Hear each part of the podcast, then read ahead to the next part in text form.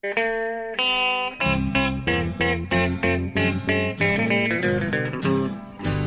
out there, we're on the air. It's hockey night tonight. Tension grows, the whistle blows, and the puck goes down the ice. The goalie jumps and the players bump, and the fans all go insane. Someone roars, Bobby scores at the good old hockey game.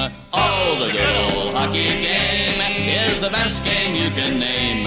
And the best game you can name is the good old hockey game. Hallå, hallå, hallå, hallå allihopa! Då är det dags för NHL-podd igen. Nummer 79 i ordningen är det faktiskt. Och eh, ja, det känns skönt att kunna välkomna till detta avsnitt, till 79. André Marco kan jag avslöja redan nu. Det är den enda nästan jag hittade med nummer 79. Men hur är läget Bjurman i New York?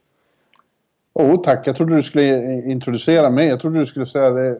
Det känns eh, härligt att få välkomna jag trodde du skulle säga att du välkomnade mig när du sa att det var härligt, men det var det inte. Nej, det var det tydligen inte. Nej. Eh, men tack, det är, det är fint. Ja. Eh, en regnig dag i, i New York. Du kan ju lika gärna sitta här vid datorn och, och, och prata strunt med dig. Ja, precis, precis. Du varnade om att det var någon slags Godzilla-ljud. Men det är inget vi hör än så länge i alla fall. Ja, jag hörde faktiskt. Det är något ute på Manhattan. Det är något som råmar.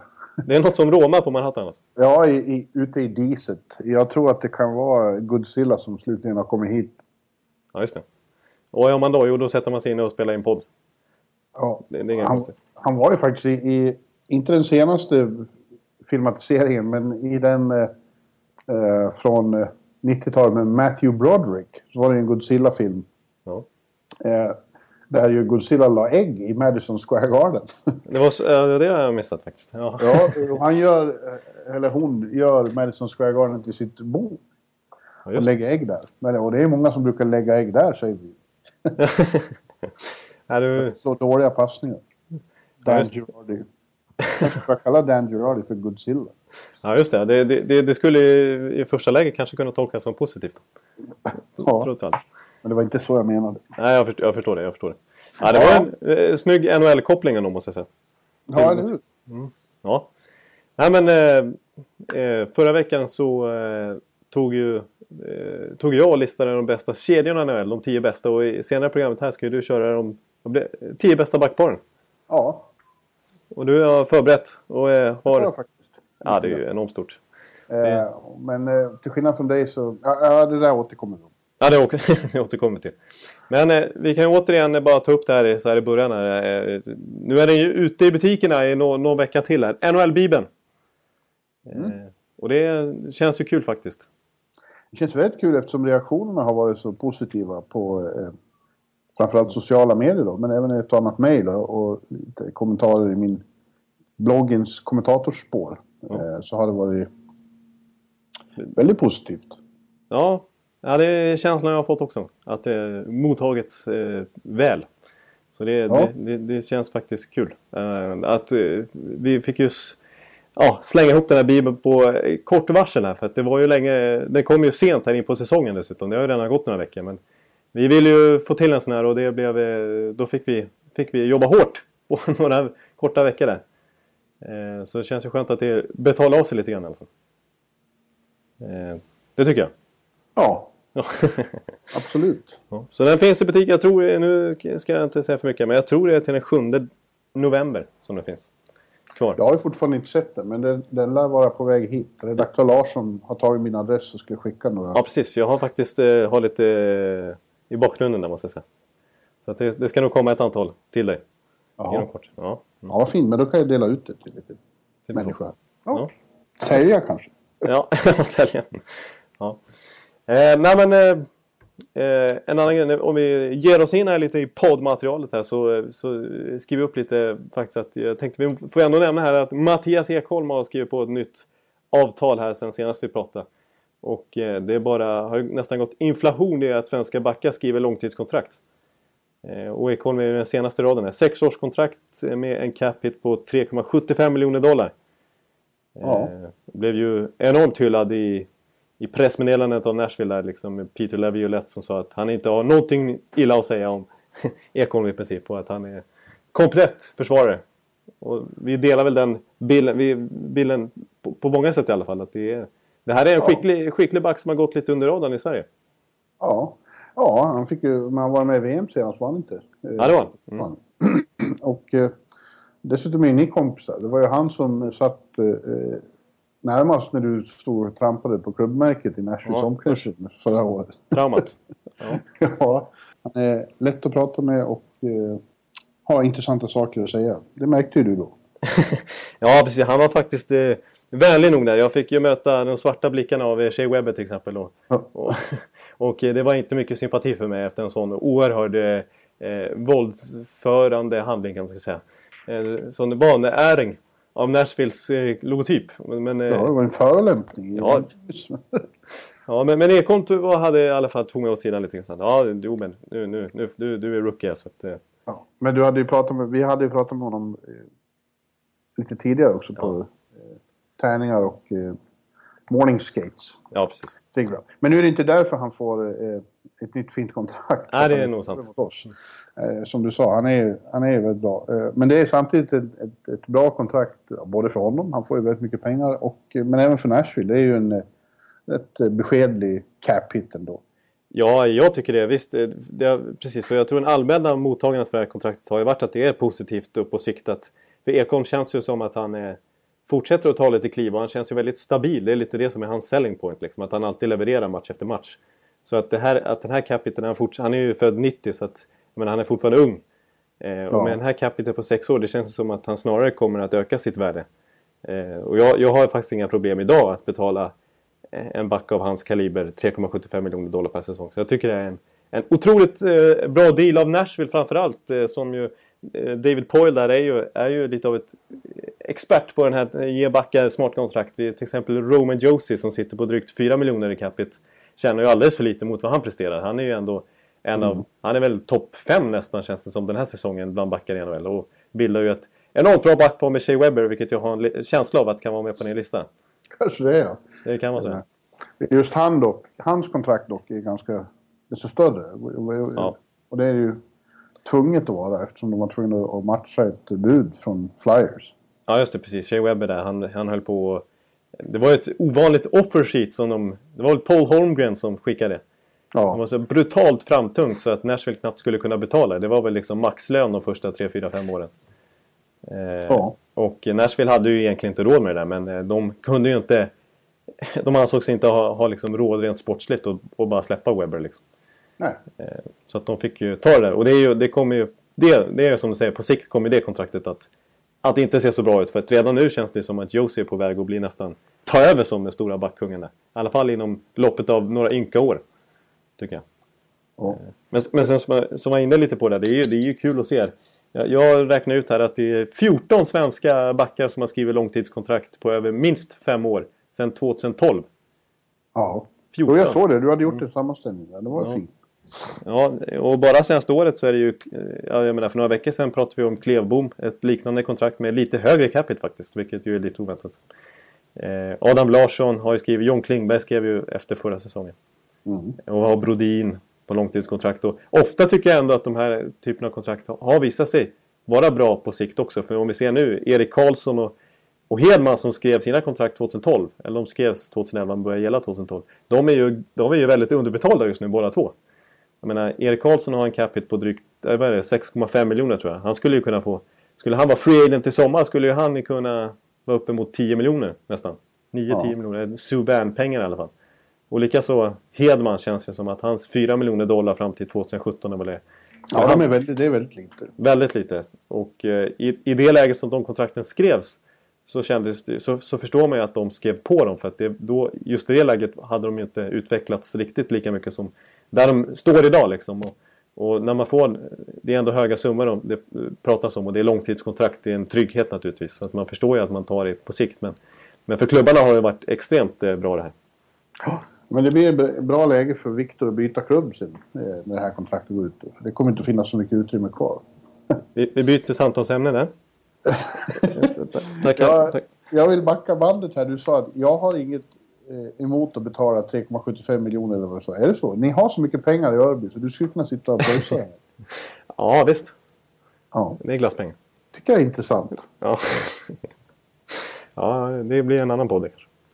Nej, men eh, Jag, jag, jag, jag tror att... Privatekonomiska podden. Med. ja. ja, precis. Nej, men eh, jag har för mig att jag har jämfört eh, Ekholm med Anton Strålman någon, gång faktiskt. Han är ju inte på den nivån just nu, men jag tycker de är lite lika sådär. Väldigt kompletta och, och styrkor både offensivt och defensivt. Ja. Ja, jag tycker det är ja, hyfsat. Ja, han är, eh, eh, det är roligt att han har, eh, med tanke på hur karriären här, här borta började, för han fick ju så mycket kritik av, av Barry Trotz när han kom, Mattias. Ja, just det, precis. Det var ju helt Ingen tror jag har fått så bister kritik eh, off offentligt av en coach som han fick. Nej. Han, tapp, han, han tappar ju allt självförtroende då. Borde han ha gjort det i alla fall med tanke på vad Barry Trotz sa. Han sa väl att han är... Vi behöver inte gå in på vad han sa. Men Nej. han var... Eh, det var, det var taskigt. Han var taskig. Ja, det var direkt eh, taskigt faktiskt vad, vad han sa. Ja. Men, Men Mattias eh, är ju från Dalarna så han bara bet ihop och, och ja. fortsatte, fortsatte göra vad han kan. Och, och, och det har ju som sagt det blivit väldigt lyckat. Ja, det, precis. nu känns ju han... Alltså, han, han är ju en stark eh, del i den där enormt starka backuppsättningen. Liksom. Och de lovorden han alltså får av tränare och så vidare, det, det säger ju ganska mycket. Så att Ekholm är... Ja, eh, ja alltså... Ja, men alltså, jag, jag, det är ju svårt att klämma in han i World Cup-truppen, men jag tycker han är på gränsen där. Men vi har ju, det är ju, jag sa ju det, 14 eh, svenska backar på långtidskontrakt, så det är ju ett enormt urval. Och så har vi Hampus Lindholm som ska, snart ska skriva nytt kontrakt också. Så att, eh, det känns ja. som att Ekholm knappt är aktuell, eh, nämns knappt som en World Cup-back, men så starka Ja, det, det visar ju bara att vi har en enastående konkurrens på, den, på backsidan. Vi har ju det. Ja, precis. Men du, ska... Det beror nog i hög grad på han som väljs in i Hockey Hall of Fame en dryg vecka. Ja. Ja, två veckor.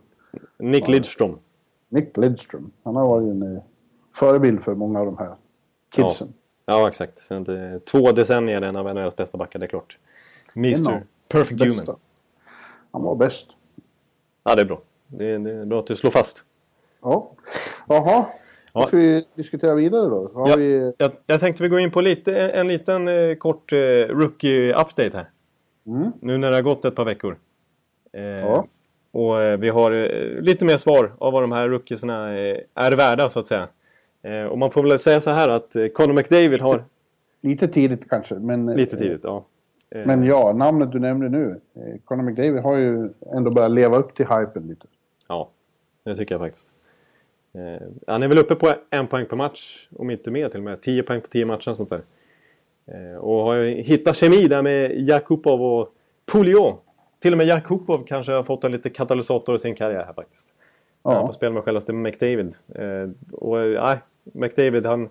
Man ser ju verkligen hans driv i skridskoåkningen. Hans eh, han leder hans eh, hockeysens liksom. Det, det, man förstår ju hypen så att säga. Eh, vad han levererar. Verkligen. Ja, och, och, han har gett prov på, på några fantastiska moves ja. i, i väldigt eh, skarpa lägen.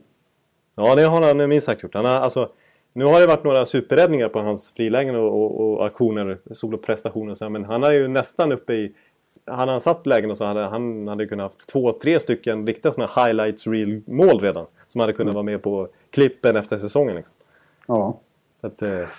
Ja, det är, han kan spela hockey. Jag tror att eh, mycket, mycket av den här eh, håsen kring honom, eh, den har inte uppstått ur tomma intet. Nej, det verkar inte så. Men jag är lite förvånad att eh, när man eh, liksom följer en mot en match så här, att det är ändå det känns nästan som att Ryan Nugent Hopkins sett till istid i alla fall är lite the go-to guy fortfarande. Han och Taylor Hall ligger båda på över 20 minuter per match. Så McDavid... Ja, det, det, är väl inte så konstigt. Pojken är fortfarande bara 18 år och han har gjort sina första 10 matcher i NHL. Då blir man ju inte the go-to guy på en gång. men jag tycker det är, det är han som levererar för dem. Liksom. Ja, jag men tycker... alltså... Eh, eh, det kommer dröja en säsong till innan han är så stor.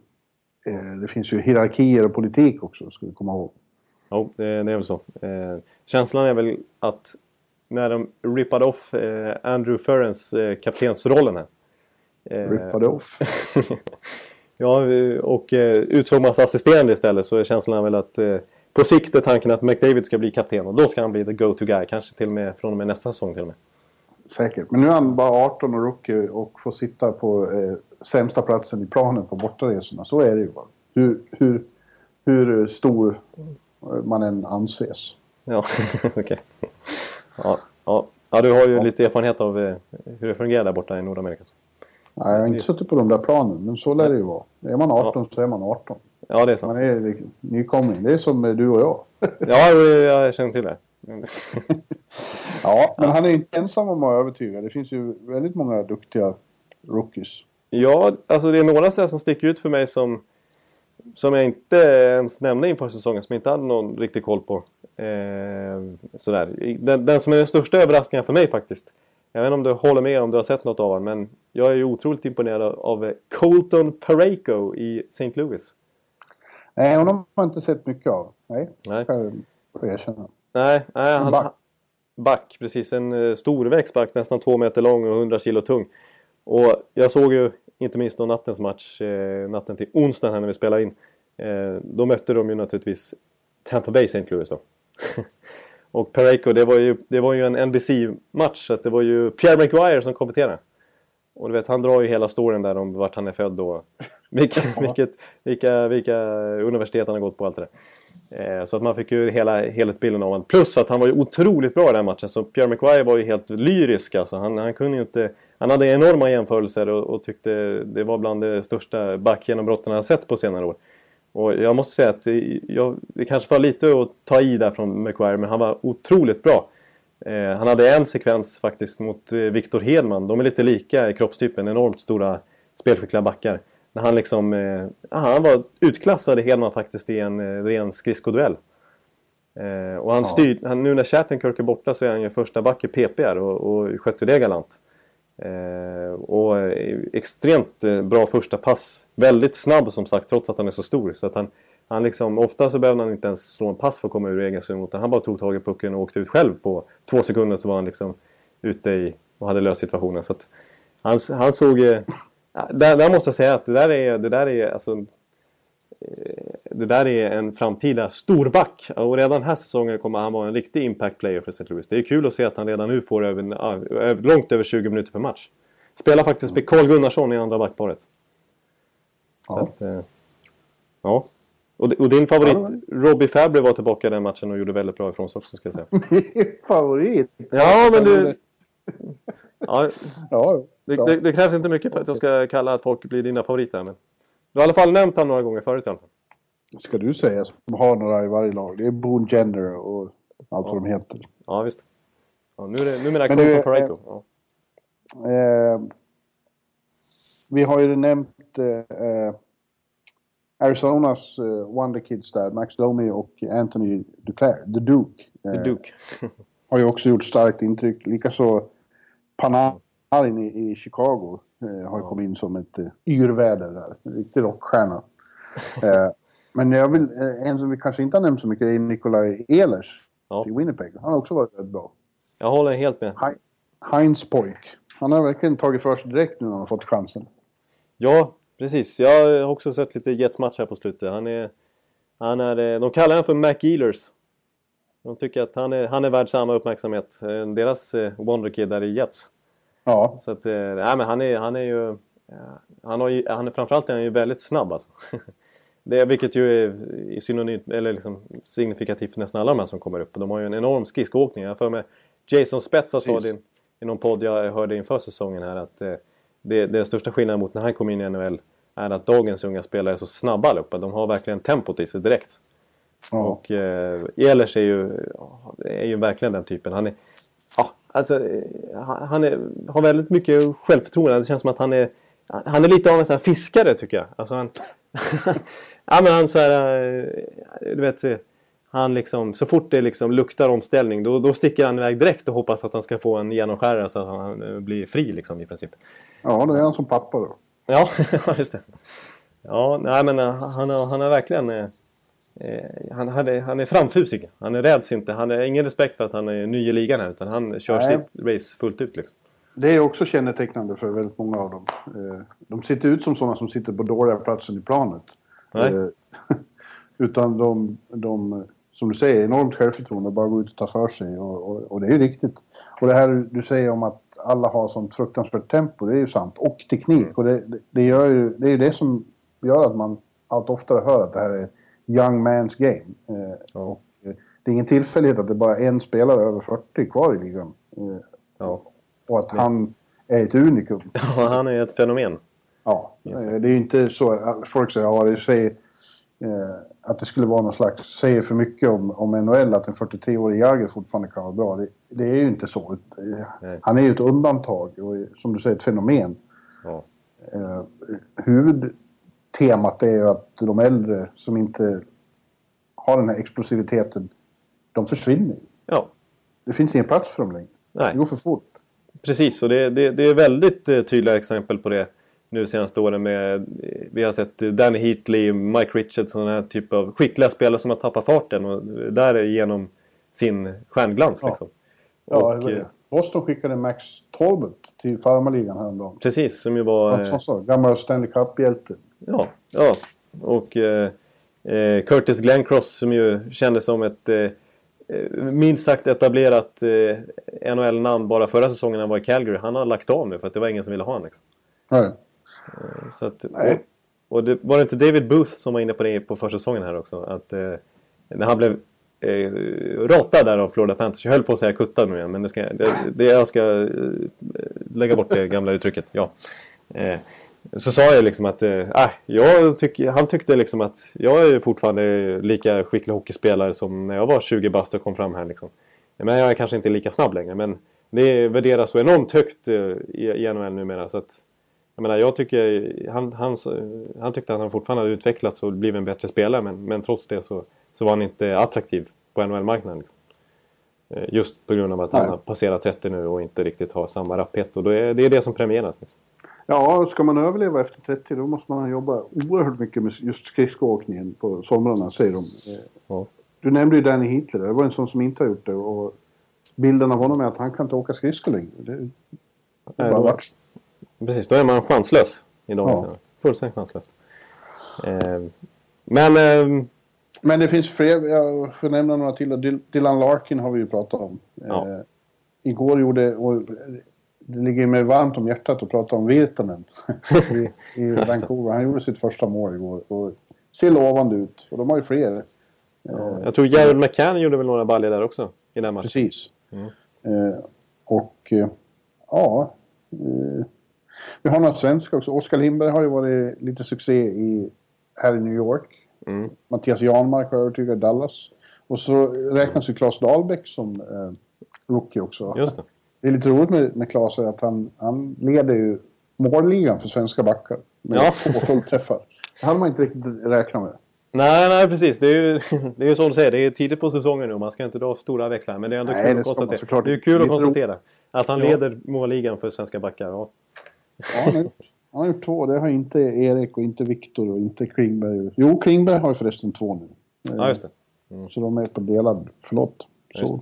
han har faktiskt gjort fler mål. Oliver Ekman Larsson som trots allt gjorde mest eh, mål av alla backar eh, totalt sett i fjol. Ja, sin lagkamrat. Ja, du ser. Ja.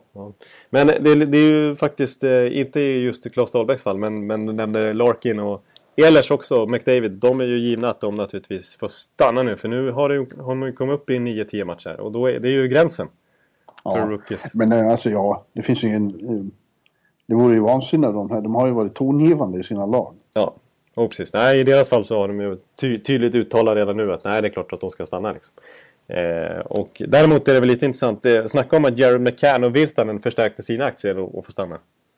För där, Ja. där har det faktiskt inte sagts någonting än. Vad jag har hört hittills. Om, om de ska eh, få vara kvar liksom. Ja. Ser det blir med han Noah Han- Hannifin. Han var, han Mm. var ju eh, healthy scratch när Carolina var i Detroit igår. Så det finns väl kanske risk att den supertalangen eh, inte får kvar. Ja, jag tyckte jag läste någonting om att, de ändå, att, att han ändå hävdar att han är en viktig part of our group. Och, eh, och att eh, han, Bill Peters där, tränaren, och att han ska minsann stanna. Men det, det verkar lite konstigt när han nu helt plötsligt är healthy scratch till och med. Ja, Det, det, det verkar inte som klockren utvecklingsplattform liksom, eh, plattform för en eh, 18-årig lovande back. Liksom. Och sitta på läktaren. Så att, eh, en liten sensation är ju eh, nödvändigtvis inte för att han har presterat fantastiskt bra hittills. Men det är ju den här språng i Pittsburgh. Han draftades väl i andra rundan. Holländare var han är, eh, Eh, i somras. Eller om det var sent i första rundan. Som tog en gjorde en fantastisk camp där. Eh, bland eh, den mördande konkurrensen bland Pittsburghs forwards och lyckats spela till sig en plats. Så eh, där verkar det som att han faktiskt får stanna.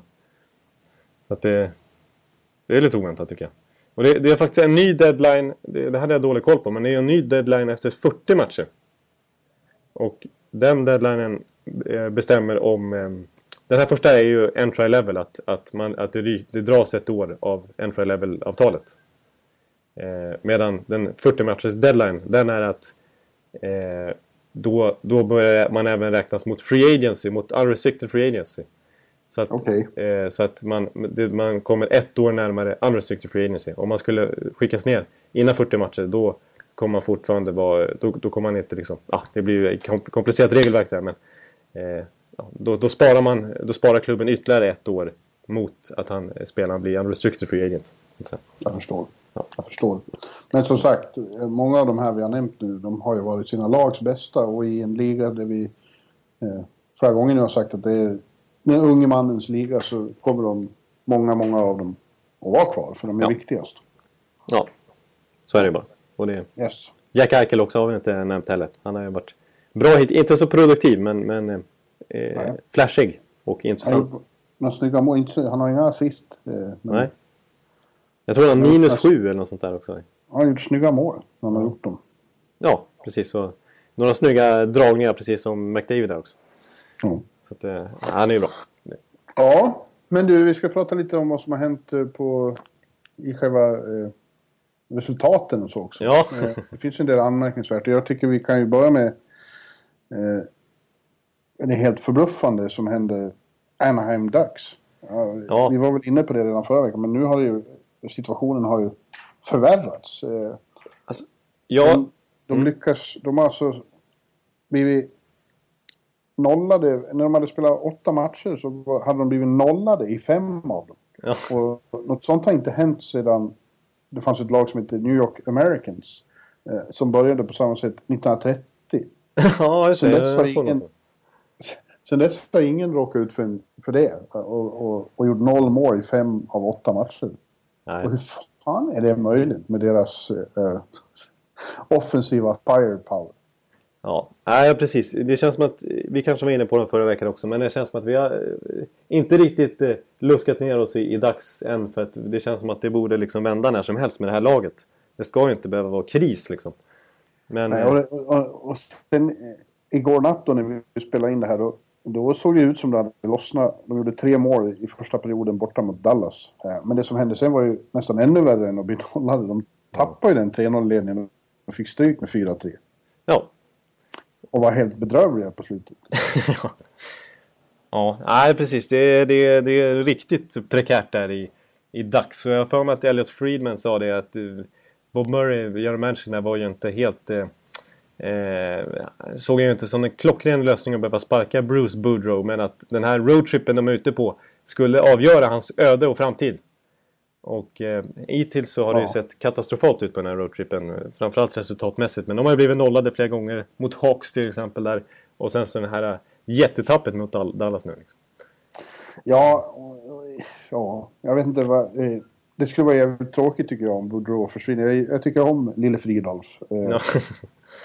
Men eh, till slut eh, måste de ju göra någonting. Eh, han hänger ju löst nu, det är bara så. Och då har de Valrossen som står är beredd att ta över eftersom han varit ny assistent. Ja. Eh, nu pratas det också om att de skulle kunna tänka sig att återvända till Randy Carlyle som vann Stanley Cup åt dem, eller med dem, ja. 2007. Ja. Eh, men han känns inte så modern. Nej, precis. Det var ju precis det, det var ju han har vi ju kallat för en väldigt omodern typ, typ av coach faktiskt i dagens NHL. Eh, mm. Men jag, apropå Friedman där, så han tog ju upp ett annat oväntat namn som han trodde var, låg närmast till hans faktiskt, för Bob Murray. Och det är, det, det är en assisterande tränare, men det är inte Paul McLean utan det är faktiskt den backcoachen där, Trent Jorny. Att han skulle vara ett alternativ, eh, vilket var lite konstigt. Eh, back, back eh, jag menar, försvarsspelet har ju inte varit... inte din, din gamla idol Dallas... Eh Eakins är inblandad i, i organisationen också. Ja, han är ju AHL-coach där för San Diego Gulls. Jag vet inte riktigt hur det har gått sista veckan, men de börjar med tre raka segrar tror jag. Det såg riktigt bra ut här. Ja, du sålde ju in honom som eh, eh, Messias när han skulle ta över i Edmonton. Ja. Men Det blev ingenting med. Det blev fiasko. Ja. Ja. Men, men eh, det är ju en... eh, Dessförinnan var det ju... eh, Kallades han ju för liksom... eh, Jag ska inte säga Messias, men... eh, En väldigt lo- lovande tränare inom hockeyn liksom. Att han var eh, det nya stora namnet på väg upp. Och sen så kommer det här bakslaget direkt i Edmonton. Men nu... Ja. Jag tror inte att hans karriär är på NHL-nivån är över än. Okej. Men det verkar ju som att mycket av det här, alltså vi vet ju vad det finns för kvaliteter i, i truppen. Ja. I Anaheims trupp. Det är ju, den är, det är ju högklassigt. Inte för inte så var vi åtskilliga som trodde, och kanske fortfarande tror att de är Stanley Cup-värdiga. Ja. Men det verkar ju ha blivit något, eh, det är något mentalt som inte fungerar här. Jag, jag pratade med Jan Klingberg, Dallasbacken, efter den här matchen. Mm. Och han sa ju då att eh, det märktes då att de hade visserligen 3-0 men så- ledning, men så fort Dallas gjorde eh, ett mål Mm. så märkte han hur de blev nervösa och, och inte vågade spela längre. Nej. Ex, Och det måste ju vara något sånt som har hänt, eller hur? Ja, det, det, det där är ju bara mentalt att man tappar en 3-0-ledning på det här viset. Eh, Alltså det är ju... Och så som de har sett ut i början av säsongen. Det är någonting som inte stämmer i truppen. Det är någon kollektiv liksom eh, härdsmälta på något sätt. Någon, någon, någon, någonting som gör att de inte fungerar som grupp. Mm. Man undrar vad det kan vara egentligen. För att man har ju sett det här fenomenet i, i slutspel eh, flera år i rad nu. Att de har varit fantastiska i grundserien och liksom bara malt på och slutat i toppen år efter år. Och sen när det väl eh, hettar till i, i slutspelsmatcher så har de ju som kollektiv och de här stora stjärnorna har ju verkligen inte levererat och kunnat resa, resa upp laget liksom och ta laget, bära laget på sina axlar så att säga. Och nu känns det som att nu måste ju Corey Perry och Ryan Kessler och inte minst Ryan Getzlaff liksom få, få laget på fötter igen. Och de är ju mållösa alla tre. Ja. Och Getzlav är ju nu borta ett tag också. Precis. Blindtarmsoperationen. Ja, precis. Men, men det, det är oroväckande att de, den typen av spelare är som sämst just nu nästan. Ja, För, för ett, i ett bra lag, eh, i ett liksom, i ett, nu ska jag inte säga ett bra, det är, det är ett bra lag men i ett, eh, i ett starkt, vinnande lag så är det ju eh, så är det ju de bästa spelarna som kliver fram match efter match. Det är de som tar tag i den när det som bäst behövs. Det är ju det Chicago är känt för. Liksom. Ja. Ja. Frågan är vad som skulle hända med Boudreau om han fick sparken. Han skulle förmodligen stå först i kön för nästa jobb då. Ja. Nästan garanterat. Ja. Pittsburgh. Pittsburgh ja. ja det, är ett, eh, det är ganska bra. Förlåt att jag har lite falsetter då. Jag är lite... Ja, du låter förkyld. Ja, jag är ruggigt... eh, Jag är lite upper body. Du har inte varit ute och varit full. Nej, nej, nej, nej, nej. Nej, nej det, ska, jag- det har jag inte varit. Jag är, lite, jag är day to day with the flu. Faktiskt. Okej. ja, ja. Ja, förra gången var du ju berusad så vi tänkte om det var ja, just det. Vi sa ju det. Ja. Nej, nu är det mer eh, nu är det höstflunsan jag har åkt på. Eh, Men... eh, Ja, absolut. Boudreau, skulle han bli ledig så skulle han vara superattraktiv. Då, för vi, jag menar, nu snackar jag om namn som Randy Carlyle som det, det bästa available och det är ju inte bra liksom. Så att, visst, Boudreau är ju fortfarande en aktad coach på något sätt. Liksom. Flexibility is great. That's why there's yoga. Flexibility for your insurance coverage is great too. That's why there's United Healthcare Insurance Plans. Underwritten by Golden Rule Insurance Company, United Healthcare Insurance Plans offer flexible, budget friendly coverage for medical, vision, dental, and more. One of these plans may be right for you if you're, say, between jobs, coming off your parents' plan, turning a side hustle into a full hustle, or even missed open enrollment.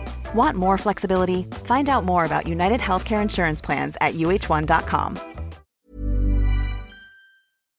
Ja. Men du, deras värsta konkurrent, deras lokal, lokala fiender där, eh, LA Kings, de har ju gjort eh, raka motsatsen. Ja. ja De började, eller mots, nej så kan man inte säga det. Men de började ju väldigt, väldigt hemskt. Men har ju lyckats resa sig på ett imponerande sätt. Och man får som vanligt klia sig i huvudet när det gäller Kings. Man, man ska aldrig inbilla sig att man nej. vet och förstår vad som händer där. Nej, nej, de är... nej, för de precis börjar med tre raka torsk och sen sex raka segrar helt plötsligt. Det är... Kackerlackorna kallas de ju. Ja, Att de kommer tillbaks. Men eh, Ja, jag är, jag är lite... Jag måste säga att jag är lite förvånad över den här resningen. Alltså jag... Ja, alltså... De, de börjar verkligen sådär otroligt dåligt eh, också rent eh, som lag liksom. Spelet funkar inte alls. Quick var usel. Eh, det kändes som att den här eh, lilla gnistan mellan spelartruppen och, och Sutter höll på att växa liksom. Att det, ja. det, det, blev en, en viktig spricka där. Och sen här plötsligt, som ingenting, så har de sex raka segrar och spelar jättebra. Gjorde, tog en väldigt övertygande seger mot Winnipeg Jets med 4-1 på bortaplan. Ja. Och eh, dessförinnan den lilla katalysatorn till den här eh, starka sviten var ju när de slog, eh, tog revansch på San Jose och vann med 4-1 på bortaplan efter eh, debaclet i premiären. Och Tyler Toffoli gjorde ett av säsongens snyggaste mål när han fintade bort Martin Jones totalt. Det var faktiskt Enroth som stod i kassen då och gjorde jättebra. Sen ja, dess, han fick göra sin första match där. Ja. Och sen dess har ju Quick varit grym och, utses, och utsågs ju förra veckan till tredje bäst i NHL, tredje stjärnan. Liksom. De har lite drag i bakfickan igen som du skulle ha sagt. Ja, det är precis det de har. Det är det man måste plocka fram. Ja, ja men det, vi har ju varit inne på det förut att det är lite bohemer där i, i Kings och, och ja. kanske eh, Sutter också är bohem. och, eh, de följer inte vanliga mönster och mallar. Nej, det är helt tydligt. Det går att läsa andra. Så att, eh, men, men det är ju lika där, det finns ju otvivelaktiga kvaliteter. De ska ju vara ett, eh, så framstående med, med, de, med det spelarmaterial de har. Precis. Eh, det, det, framförallt nu när, när Quicka spelar så bra så märks det ju när det blir en annan trygghet i laget. Det är väl kanske den stora ja, faktorn precis. ändå. Att de, att de liksom slipper släppa in enkla mål hela tiden. Eh, men där, där, jag läste igår att eh, Sutter var väldigt imponerad av Milan Lucic. Han tycker att han har tagit, varit en eh, uppenbarelse. Ja. vad, vad är ordet på engelska? Det känns som... Eh, ja, han har varit... Ja, eh, nu föll det bort. Men han har varit en... Eh, det är ett sånt klassiskt eh, uttryck som jag tror ja. Brukar använda. Ja. ja. ja. Men, eh, ja, nej. De är alltså ett litet svaghetstecken att, eh, som, som Kings själva verkar vara uppmärksammade på och som det eh, ryktas mycket om på sociala medier och så här. Det är, det är ju backsidan trots allt är lite tunn. De har redan använt nio backar bara, redan. Eller bara ska jag säga. Det är ju mycket. Och eh, eh att de, de i allra högsta grad, precis som Calgary, är ute och fiskar på marknaden. Eh, efter förstärkningar. Just för, för Kings del då, just på backsidan. De, de vill hitta någonting nytt där. Något, eh, något att stärka upp med. Han har varit en revelation. Just det, revelation. Där har vi det. Ja. Mm. Ja. ja. och eh, Lucis, han borde ju, han, det har jag varit inne på, han borde ju passa i, i Kings. Han är ju som klippt och skuren. Alltså, det är ju ja. det är på något sätt eh, västversionen av Boss, The Big Bad Bruins en gång i tiden. Liksom. Ja. ja, det är ett stort elakt lag där han verkligen borde passa in. Det är sant. Ja. ja. Inte minst i slutspel om det skulle Men jag har ju då här också sett på närmare håll nu ditt favoritlag Calgary Flames. Och, ja. Eh, ja, du var ju faktiskt inne på det förra veckan att uh, det känns som varning för sophomore slump och jag får lov att, även om det fortfarande är tidigt, så efter att ha sett dem till exempel här på Garden så måste jag nog nästan ge dig rätt. Nu har de ju väldigt enorma målvaktsproblem också. Enorma målvaktsproblem, verkligen. Ja, Kari Rämö är skickad han varit uppsatt på waivers och nu skickad till farmarlaget. Hiller har inte alls varit bra. Nej. Eh, och nu har de tagit in framtidstalangen, vad heter han? O Ortio. Ortio. Mm. Och eh, ja, en taskig situation att komma in i, men han var inte heller bra. Nej, de, det föll igenom lite där mot Islanders i sista perioden tror jag. Annars, jag såg de första två perioderna där och då tyckte det såg hyfsat ut ändå. Framförallt eh, för hans del, kanske inte lagmässigt. Men så jag blev lite förvånad ändå att det rann iväg så snabbt där. Ja, men det verkar, alltså, det, det verkar vara melodin just nu i Calgary. Vid minsta motgång så, så spricker det. Alltså, Rangers var inte alls bra mot Calgary här. Nej.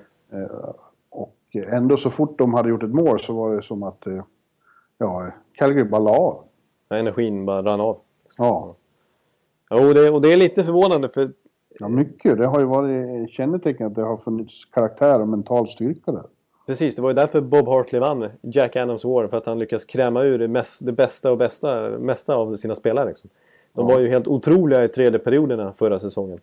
Eh, ja. De måste ju nästan varit NHLs bästa lag i tredje perioden. De hade ju enormt många vändningar. Eh, och de, väldigt många matcher de inte tog ledningen men ändå vann. Eh, ja. Och var ju experter verkligen på att komma tillbaka i matchen. Och nu är det raka motsatsen. Nu är det liksom lite som Anaheim-syndromet här. Att börjar det trilla in något, någon balja så, så bara... Ja, då är det klart. Då förlorar han. liksom.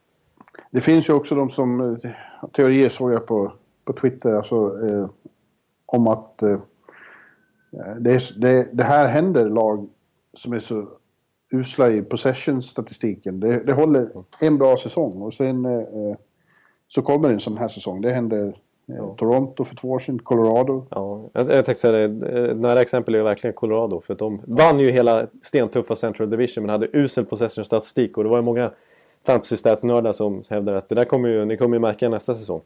Om målvaktsspelet inte är lika bra. Och det, det, det, är, ju- det är samma faktor som har drabbat Kelvin nu. Ja.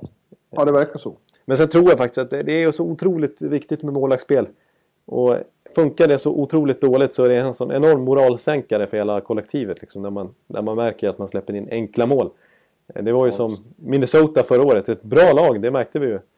När de väl fick in Devin Dubnik. Då var de ju bästa grundserielaget under hela 2015. Fram till slutspelet. Eh, innan dess var de ju katastrofala när Darcy Kemper och Niklas Bäckström försökte stoppa pucken. Ja. Det, det, alltså, har man en trygg keeper där bak, då... Det, det, man måste nästan någonstans börja där ändå. Det är så otroligt viktigt. För kollektivet. Liksom. Ja, det har varit extremt viktigt. Till exempel för Rangers här som jag sett. Både Lundqvist har ju sin bästa säsongskort på, på år och dagar och även Antti Ranta har varit riktigt bra när han har kommit in. Medan laget har varit si, so so. Så, för Ja. att säga det. För att vara diplomatisk. Eh, Men de har, leder ändå sin Metropolitan. Då. Ja. Och det är mycket, mycket tack vare målvakten. Och jag, jag tycker att man... Eh, så här, en, en annan liten parallell jag drar då där, med att Rangers nödvändigtvis inte har övertygat enormt här i säsongsinledningen rent spelmässigt. Det har ju faktiskt inte Tampa eller nej, absolut inte Anaheim eller Chicago heller. De här Nej. liksom väntade topplagen som, som ju dominerade och, och liksom eh, anförde hockey, hockeyn framåt i fjol. De har öppnat eh, svagt spelmässigt allihopa. Ja, vad är det med Tampa då? De gör ju inte mål längre de heller. Nej, precis. De har... Två matcher i rad och de blir nollade. Exakt, ja visst. Är ganska, jag, jag, jag vill skylla lite grann på tuff motstånd här. Borta matcher mot eh, Chicago och St. Louis efter en lång bortaturné. Men Ja. eh, nej, det är naturligtvis inte så starkt. Eh, de, de har Dessa dock, offensiva superlag.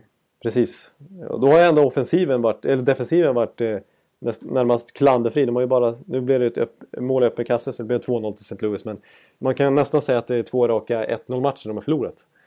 Ja, Det, det, är liksom, eh, det är man ju inte van som Tampa Bay-supporter, att man förlorar när man bara släpper in ett mål. Liksom. Eh, Så defensiven har verkligen inte varit något problem i säsongstarten. Men, men eh, framförallt är det ju triplet-kedjan som är, är rätt iskall vill jag säga. Alltså. Där, är- ja, det börjar nästan bli dags att splittra på dem på allvar här. Det har ju Cooper har testat det några gånger i säsongsinledningen här att, att, eh, att laborera lite nya kedjor. Men det, det, från matchstart till matchstart så återkommer han ändå med triplets. Så de, de levererar inte den här säsongen. Det är bara så. nej, de har just eh, senaste matchen de spelade innan, innan den här säsongen var Stanley Cup-final. Och då kan det vara svårt att hitta ett sorts inspiration i tråkiga grundseriematcher.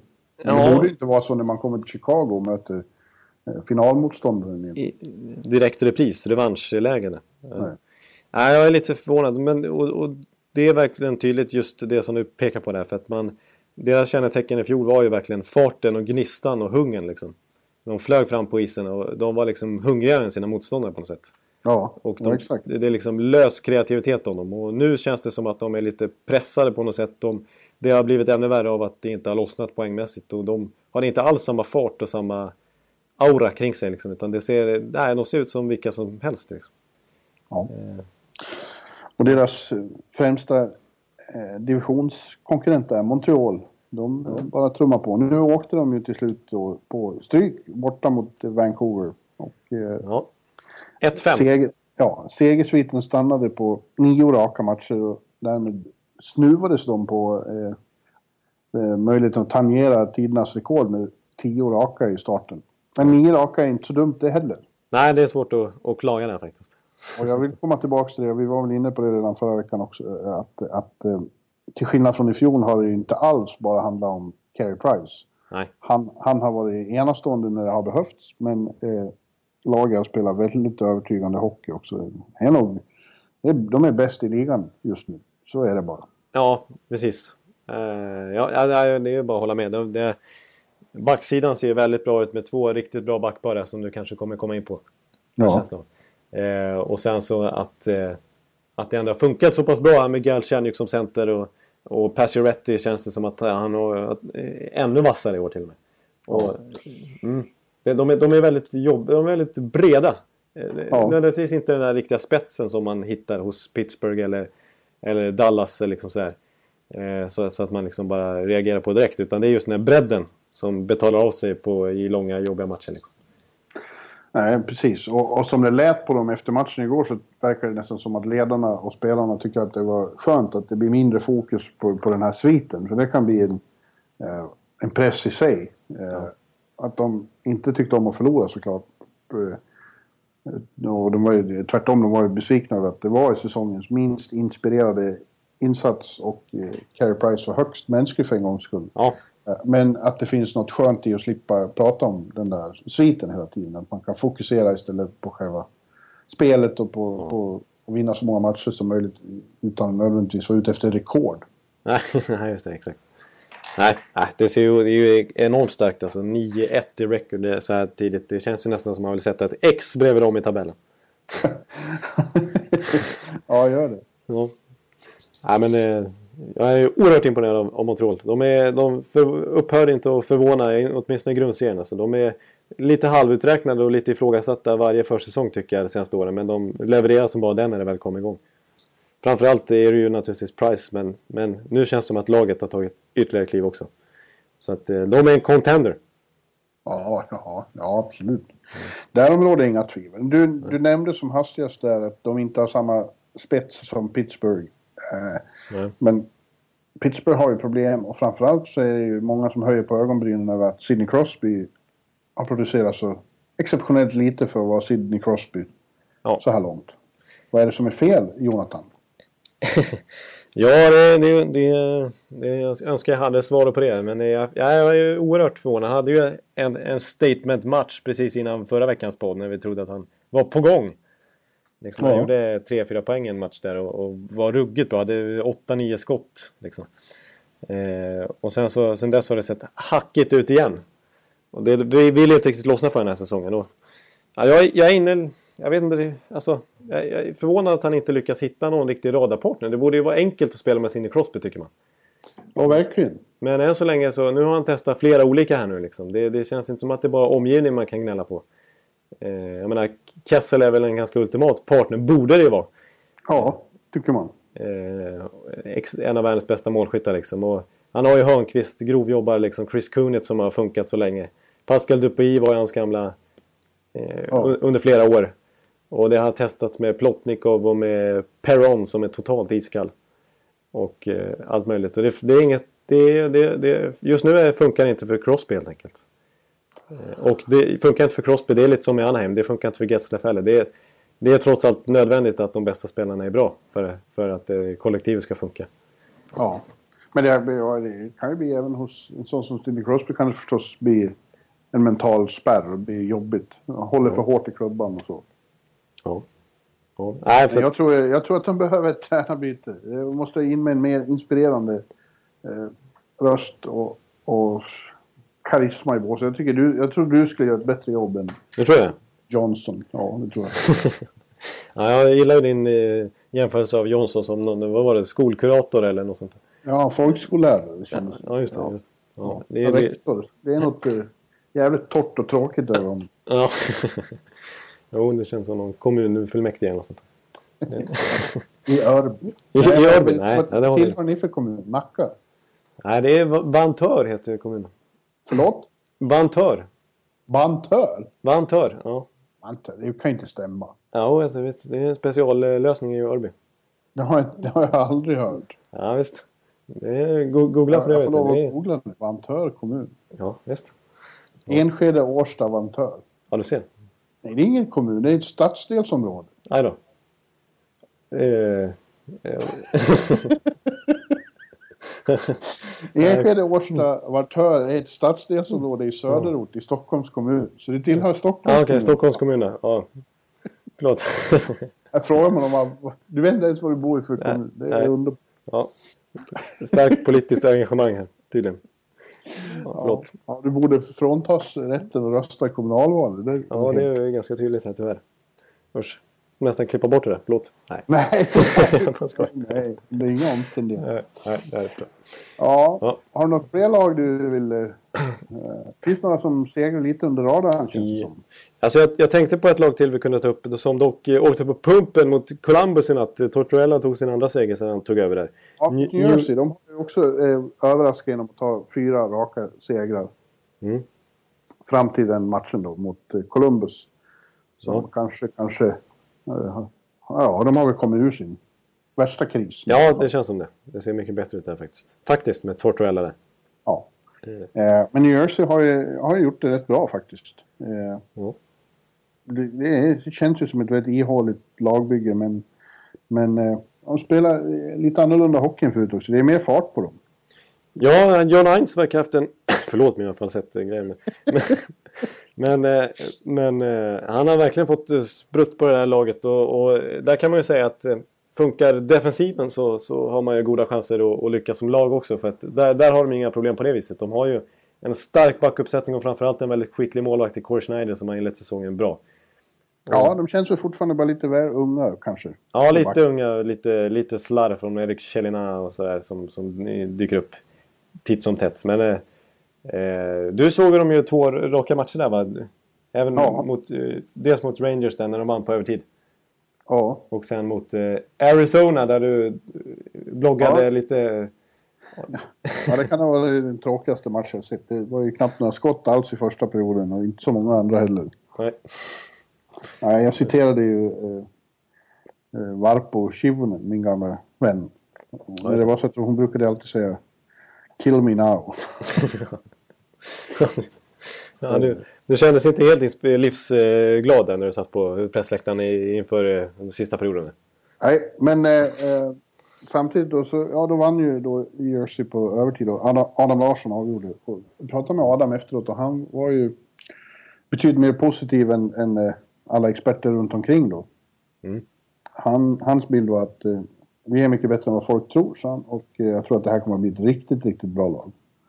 Ja, men jag håller, jag håller med dig där med farten också. Om man tittar på spelarna de har så, så är det ju inte Michael Ryder och Martin Havlat och eh, Scott Gomez, Dino Subrus längre. Utan det är ju... Det är ju, jag menar, eh, den första känner har ju varit fantastiskt bra med Henrik Camilleri och Stempniak. Jag hade, Ja. ju, jag hade ju med dem som en bubblare till förra veckans kedjeranking där. De har ju varit fantastiskt bra allihop. Och se, de är ju rappa liksom. Inte minst Henrik nu när han, har- han har gjorde någon... Han har ju varit skadad mycket förra säsongen och gjorde någon eh, rejäl operation i somras och kommer tillbaka ruggigt starkt. Men eh, även sån här...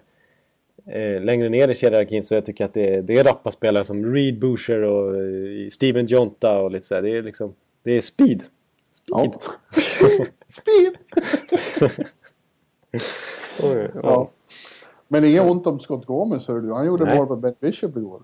Ja, ja, precis. Nej, han, han, har, han har fått tillräckligt med skit, eh, Scott Gomez, i sin karriär. Ja. Men, eh, det är lite kul här för övrigt att Martin Brodeur, sen han blev assisterande i Manchester, så har de nu plockat in Scott Gomez och så har de ju Havlat och Subrus på tryout nu också.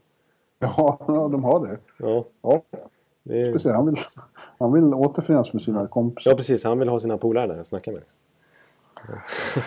Ja, men jag tror fortfarande att det blir väldigt svårt för Devils att- ta sig ända till slutspel. Men vad vet jag? Adam vet väl Ja, såklart mycket mer om det. Ja. ja det, det är lite... Eh, som man kan säga om New York det är just det här med att Camilleri, Sajak och Henrik alla faktiskt ligger på över 20 minuter per match i snitt. I speltid. Ja. Och det är Det ju... försvann lite där för mig. Ja, jag vet. Nu, nu hackar jag lite för oss, men jag tror det är...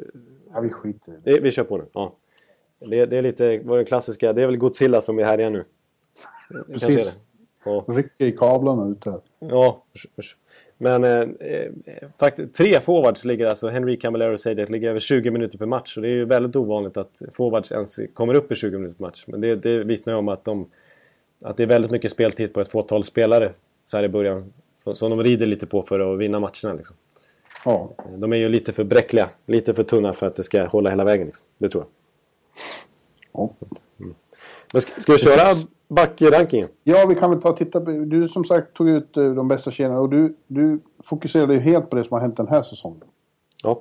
Det har inte jag. Jag har blandat ihop lite eh, av eh, ja, de som känns som bästa backparen i NHL just nu. Eh, och då ett lite större perspektiv än bara de första tio matcherna i år. Men det finns ju också med lite som Ja. ja, perspektiv också. Ja. Var med till exempel eh, faktiskt, eh, och nu har de inte spelat så jättemycket ihop då, men de har till och från ändå, har de ju försökt med dem.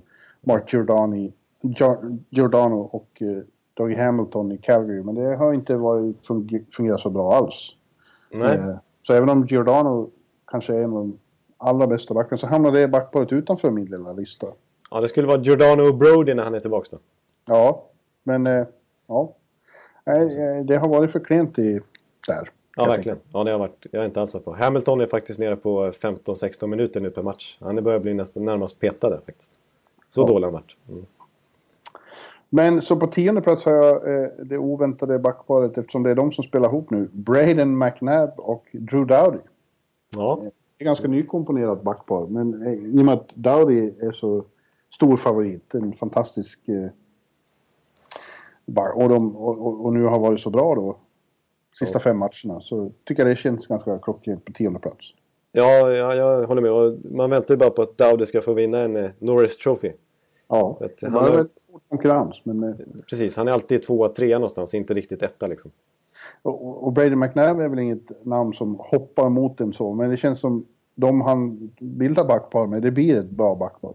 Ja, ja precis. Alltså, menar, nu känns ju Massin superetablerad och han fick ju liksom inleda karriären lite med att verkligen få eh, spela med Dowdy under en lång tid.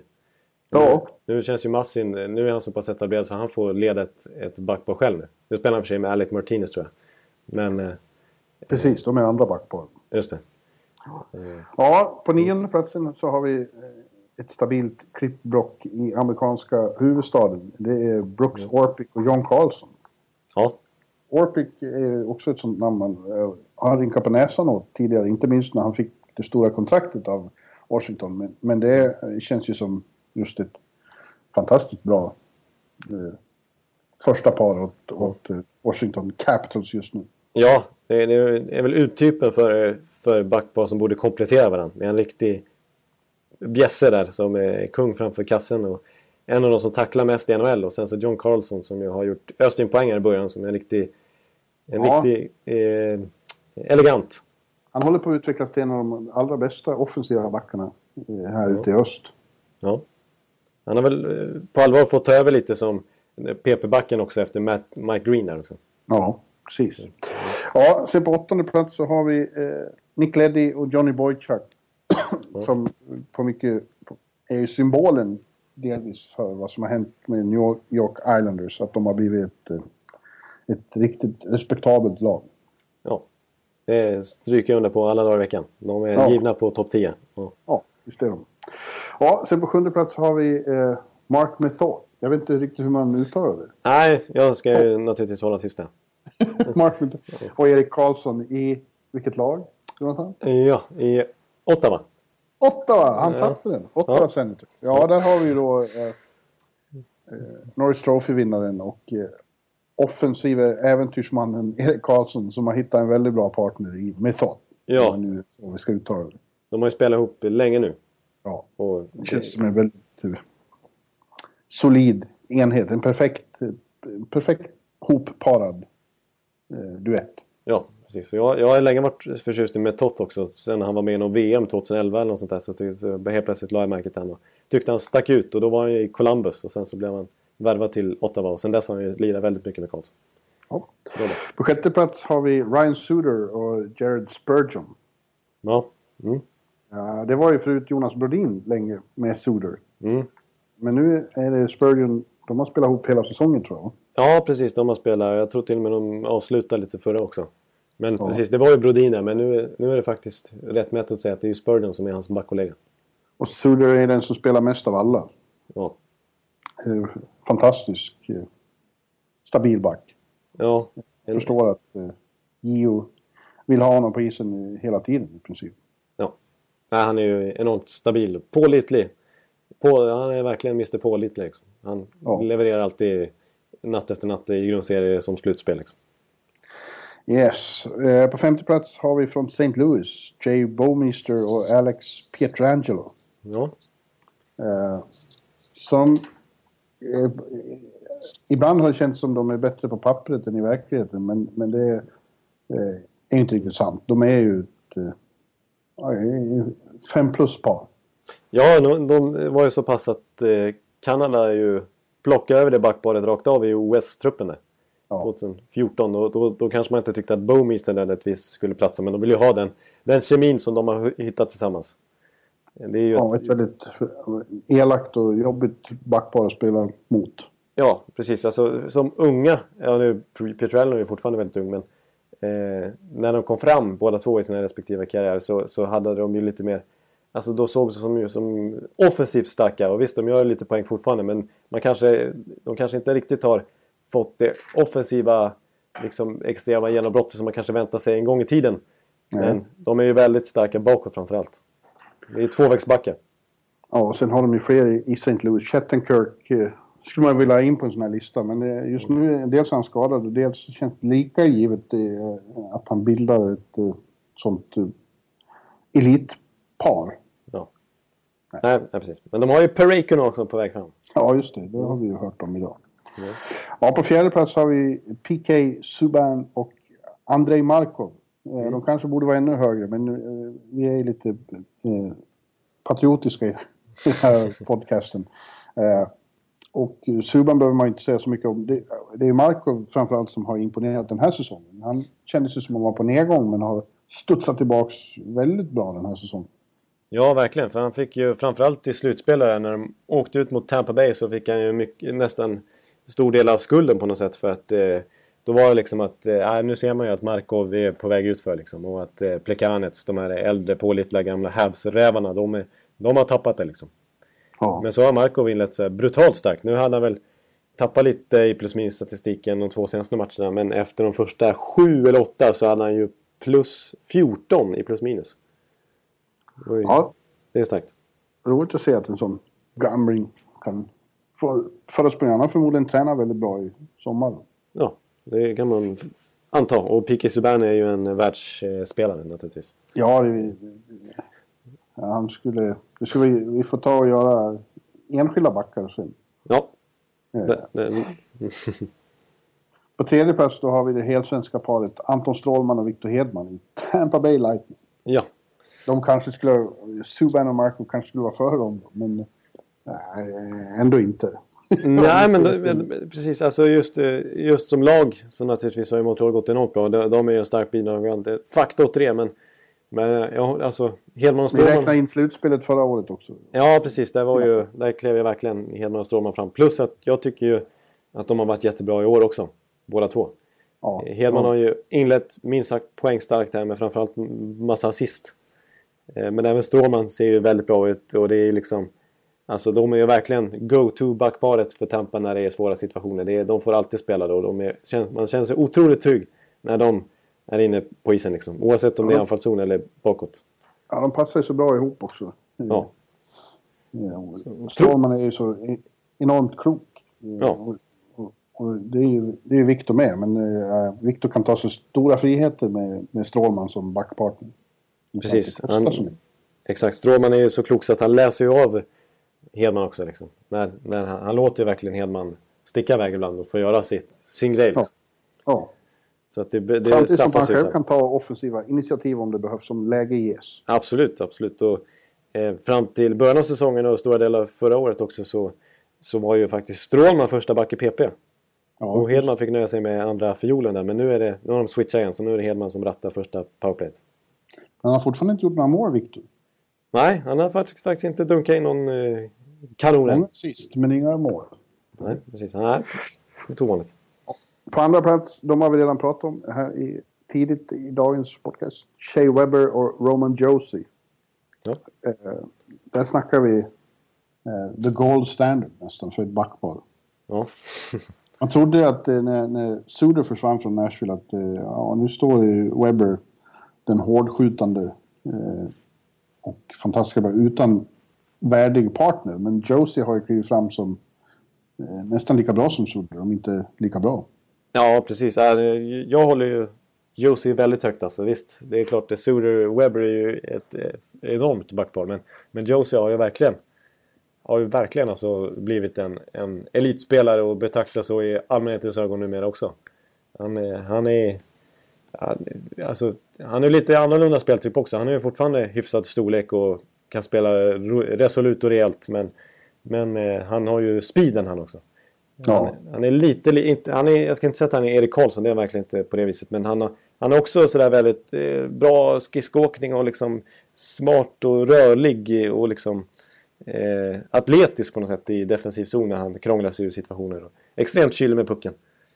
Och en väldigt skicklig offensiv back, men på sitt, på sitt sätt, alltså med sin smartness och sitt sätt att liksom vara väldigt eh, eh, atletisk kan man säga, eller agility, vad heter det, smidighet eh, liksom. Så, så, så är han väldigt bra i defensiv zon också. Ja, vi såg dem ju i, under klubbmärkestrampa-sessionen Ja. i Nashville. Och då var, det gjorde Josie Moore vill jag minnas, det var riktigt Ja. bra. Precis. Projektil i krysset. Ja, och på första plats då, och det här går det att protestera mot eftersom de inte spelar ihop eh, eh, alltid nu för tiden. Men, eh, och den ena är dessutom är skadad. Men det är, när de spelar ihop så är det eh, NHLs bästa backpar tycker jag utan så mycket konkurrens. Så det är Duncan Keith och Brent Seabrook i Chicago Blackhawks.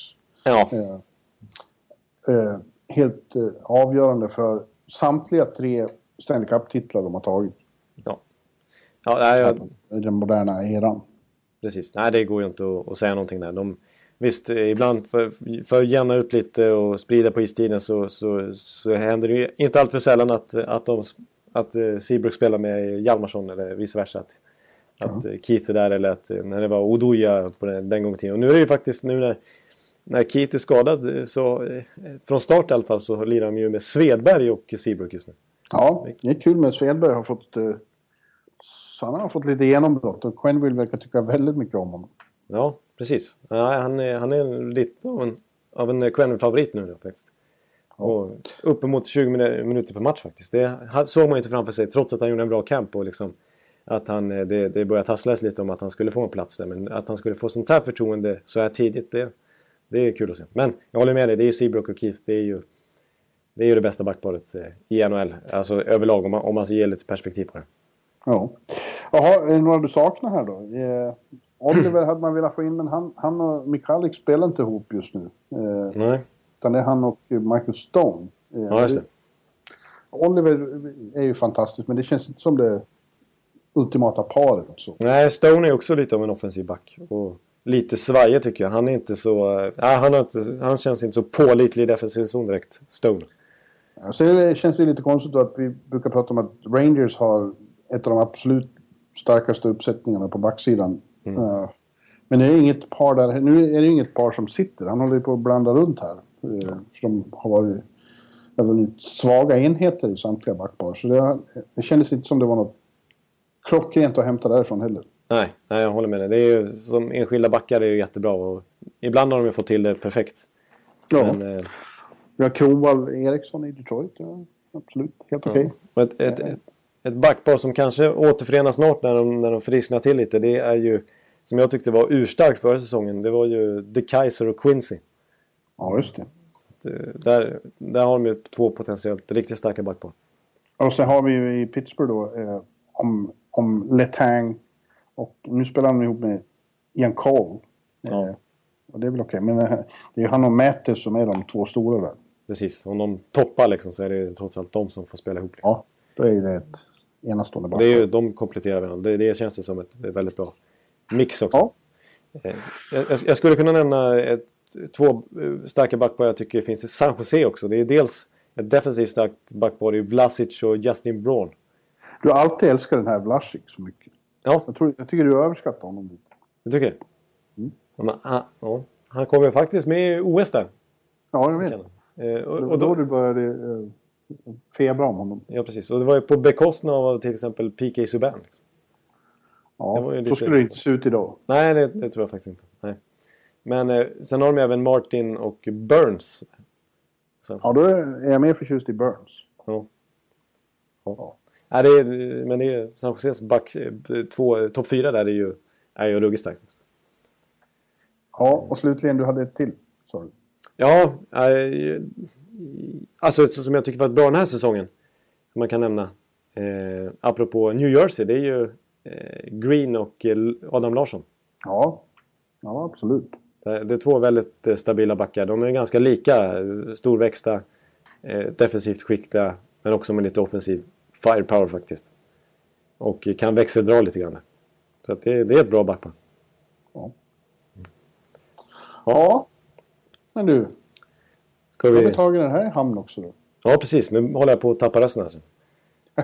Jag hör det, det är ju magiskt. Ja. Så att... eh, Men... eh, Ja, vi, vi, får, det, vi fick ju upp det här bra tycker jag. Ja, och diset börjar släppa ur man Jag tror att vi, Ja, nej, men vi kanske ska runda av helt enkelt. vi kanske ska det. Ja. Ja. Och, eh, och säga tack och hej och så hörs vi nästa vecka. Det gör vi. Ha det så gott. Adjö. Ja, ja, 79. Eh, André Marco, det var ju passande avsnitt. faktiskt. Mm. Ha det gött. Hej. Hej hej. Take it away. Take it away. Welcome. Take it away. Take it away.